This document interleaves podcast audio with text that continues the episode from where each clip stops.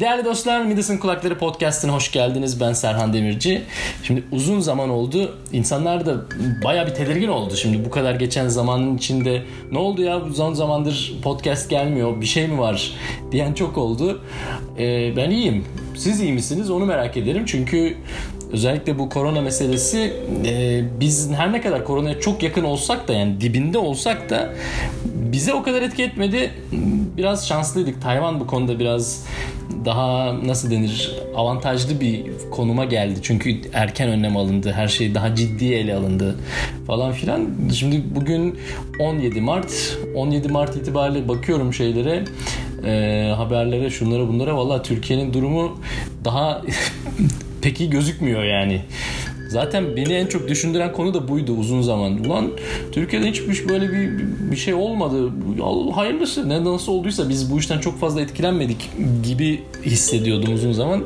Tabii bu hissiyatımın çok e, şey olmadığı ne denir altyapısının sağlam olmadığı anlaşılmış durumda gibi gözüküyor. Bildiğiniz üzere Midas'ın Kulakları Podcast'ı benim hikayeler anlatarak insanların kulağını eşek kulağını çevirdiğim bir podcast ya. Bugün de biraz bununla alakalı bir ufak bir şey anlatmak istiyorum. O yüzden hemen başlıyoruz. Midas'ın Kulakları Podcast'inde Serhan Demirci ile birliktesiniz. Bugün bölüm 40. Konunun başlığını tam olarak şu an bilemiyorum ama herhalde biraz endişelenmekle alakalı bir bölüm olacak. Şimdi 10 sene önce ben Tayvan'a geldiğim zaman SARS diye bir olay vardı. Şimdi bu SARS denen mesele bizde çok Türkiye'de etkili olmuş muydu hatırlamıyorum ama Tayvan'daki ilk hatırladığım şey şuydu. Havaalanında böyle acayip e, sıcaklık ölçen neyse işte o e, ateş ölçen kameralardan geçmiştim ve böyle bir kalabalık güruh halinde işte koridordan geçerken beni böyle özellikle çekip sen bir gel bakalım senin bir şöyle bir ateşine bakalım falan gibi böyle bir ekstra bir muameleye tabi tutulduğumu hatırlıyorum ve o bana böyle bir garip gelmişti. İkinci garip gelen şey ki bu şu an artık bana çok e, doğal geliyor ve maalesef üzülüyorum ki büyük ihtimalle sizin için de artık çok daha doğal bir görüntü olacak yakın bir zamanda ama o zaman maske takan insan görmek sokakta çok yani benim 30 yıllık Türkiye'deki hayatımda görmediğim bir şeydi. Yani biz böyle maske takan, maskeyle gezen birilerini görmezdik. Ama o dediğim gibi 10 sene önce Tayvan'da böyle bir şey vardı ve ben mesela bunu buna alışmakta zorlandığımı hatırlıyorum. Şu anlamda söyleyeyim. Mesela e, o zamanlardan gelen bir alışkanlık olsa gerek. Tayvan'da bu hala öyledir. O zaman da öyleydi. İnsanlar eğer böyle bir nezle durumu varsa, böyle bir grip durumu varsa, böyle bir ne bileyim çok iyi hissetmiyorlarsa e, maske takarlar. Yani bu korona morona meselesinden ayrı yani. Hani hasta olan biri bu hastalığı başkasına bulaştırmama özenini göstermek amacıyla maske takar. Ve bu bana mesela çok biraz garip geliyordu işin açıkçası söylemek gerekirse. Çünkü ya da şöyle söyleyeyim ben maske takmadığım zaman birileri bana böyle sen niye maske takmıyor ya? Şey değil misin? Hasta değil misin? Yani maske takman lazım. gibi böyle yarı şaka yarı ciddi bana bir şey söylendiği zaman böyle ne maskesi ya? Ne takacağım ya? Allah Allah. falan. Yani hani buna çok e, ne denir? Şey gelmiyordu içimden. E, doğal gelmiyordu. Bu işlerle ilgili ilk tecrübem ise askerdeyken 2005 senesinde tavuk e, şey ne o? Kuş gribi meselesiydi. Lan kuş gribi diye bir şey çıktı. Biz askerdeydik. Yumurta yasaklandı. Tavuk eti yasaklandı. Sonra bu e, domuz gribi mi oldu ne oldu hatırlamıyorum ama yani biz böyle bir askerde bir, bir yıl böyle işte yumurtadan ve tavuktan ve böyle hani o tür besinlerden ayrı kaldık. Ya şimdi tavuk yemek, yumurta yemek çok mu önemli? Değil ama bana o zaman da komik gelmişti. Yani şimdi tedbir almak önemli bir şey. Tedbir almanın önemi zaten Tayvan'da çok e, bariz alenen tüm dünyaya ispatlanmış bir başarı örneği halinde geldi. Tayvan bu özellikle korona meselesinde Çin'den daha erken hareket etti. 23 Ocak yanlış hatırlamıyorsam tarihleri kontrol etmek lazım ama 23 Ocak'ta Çin'de bu e, şeyler kısıtlamalar, e, kapatılmalar başladığı halde Tayvan'da bu 20 Ocak 3 gün önce başlamıştı. Ve biz hala bu işe devam ediyoruz. Yani şu an çok belli olmuyor ama e, hala ben üniversitede hocalık yapıyorum biliyorsunuz. Üniversitede her sabah e, ateş ölçülüyor. Her sabah işte durum bakılıyor. Öğrencilerin herkesin durumuna dikkat ediliyor. Yani varsa bir durum yani şimdi tedbir önlem almak iyi bir şey. Doğru yapılırsa da etkili bir şey. Şu an Tayvan korona krizinin dibinde yani Tayvan Çin'in hemen yanı başında olan ve Çin'le bu kadar yakın ilişkisi olan bir ülke olmasına rağmen e, sayısal anlamda yani şey anlamda ciddi anlamda dünyadaki en az e, en az riskli bölgelerden biri. Diğer ülkeler böyle değil. Kore bildiğiniz üzere işte Singapur yani sarı kırmızı bölgeler Tayvan'ın her tarafında var. Tayvan'da yok. Önlem almak iyi bir şey. Şimdi buradan başka bir şey gelmek istiyorum. Önlem almak iyi bir şey de şeklen yani şekil olsun diye önlem yapıyormuş gibi yapmak da çok anlamlı bir şey değil. Yani bize işte yumurta yemesin askerler diyor. Tavuk yenmeyecek. E yani bu mudur çözüm yani? Bununla mı iş çözülecek? Şimdi korona konusunda ben başından beri hep söylediğim bir şey var. Ve herkese de aynı şeyi söylüyorum. Kendi aileme de aynı şeyi söylüyorum. Sizlere de buradan tekrar söyleyeyim.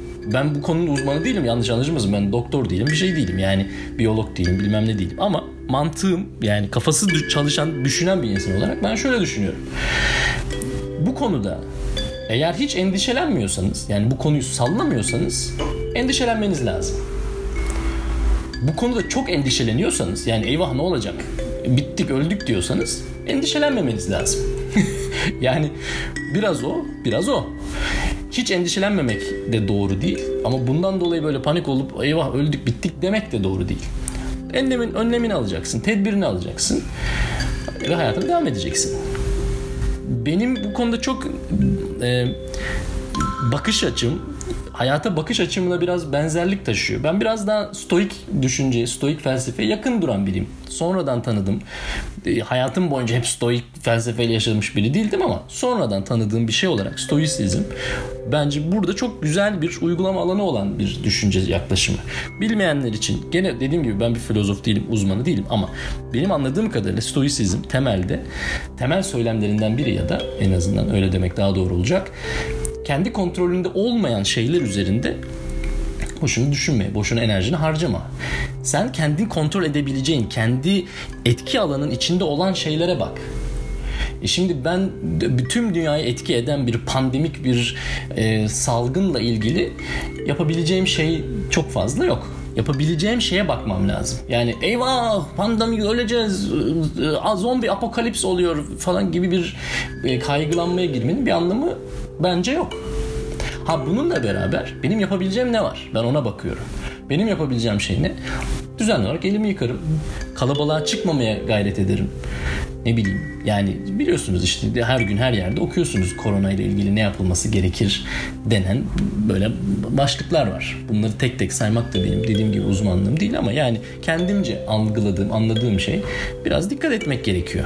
E ben biraz o dikkati gösteriyorsam e bundan sonrasına çok yapabileceğim bir şey yok. Yani kaderde varsa diyorum yani tıt tıt tıt tıt kaderde varsa bir şey neye yarar üzülmek ama yani kadercilik de değil bu. Yani ben yapabileceğim kadarını yaparım. Elimde olan, kontrolümün altında olan yapabileceğim şeyi yaparım.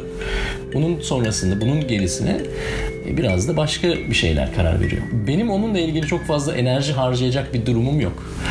E, malum e, biz de e, okul tatildi yani kapandık kapalı kaldık vesaire. Çok o kadar Tayvan'da öyle bir kapalı kalma yaşanmadı işin açıkçası. İlerleyen süreçte yaşanabilir bilmiyorum. E, biz gene işimize gücümüze gittik ama işte mesela üniversite öğrencileri tatil etti. Öğrenciler gelmedi. Yani kalabalık hala birçok böyle kalabalıkla e, oluşacak etkinlikler iptal yani insanları daha nis- nispeten mümkün olduğu kadar e, evde ya da uzaktan bir şekilde idare etmeye çalışıyoruz. Velhasıl ez cümle yani konunun özü şu korona vesaire korona da gelir geçer yani ben hani önemsiz bulmuyorum konuya dikkat etmek gerektiğine inanıyorum umarım e, çok acı şeyler yaşanmaz Ama önemli olan yani bizim açımızdan yani sıradan vatandaşın bence dikkat edeceği yegane şey kendisiyle ilgili olan şeye bakmaktır. Onun haricinde de çok fazla sosyal medyada ya da şurada burada öldük bittik eyvah eyvah yani dünyanın sonu geldi şeyine de kapılmamak lazım. Yani çünkü bir anlamı yok, bir faydası yok.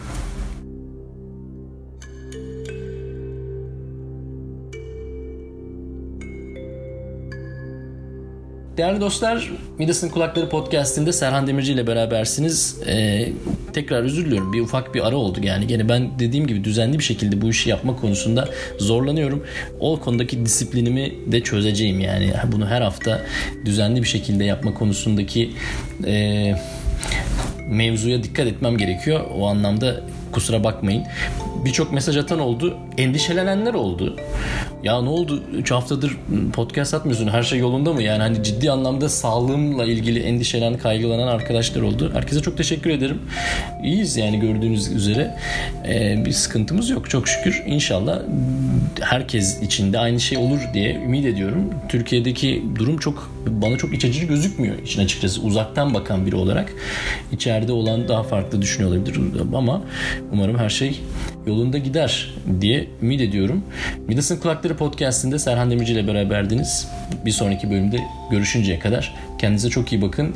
Koronasız bir hayat yaşamaya çalışın. Korona bir bira markası olarak kalsın hayatımızda başka bir anlamı olmasın diyorum. Hoşçakalın. Kendinize çok iyi bakın. Görüşmek üzere.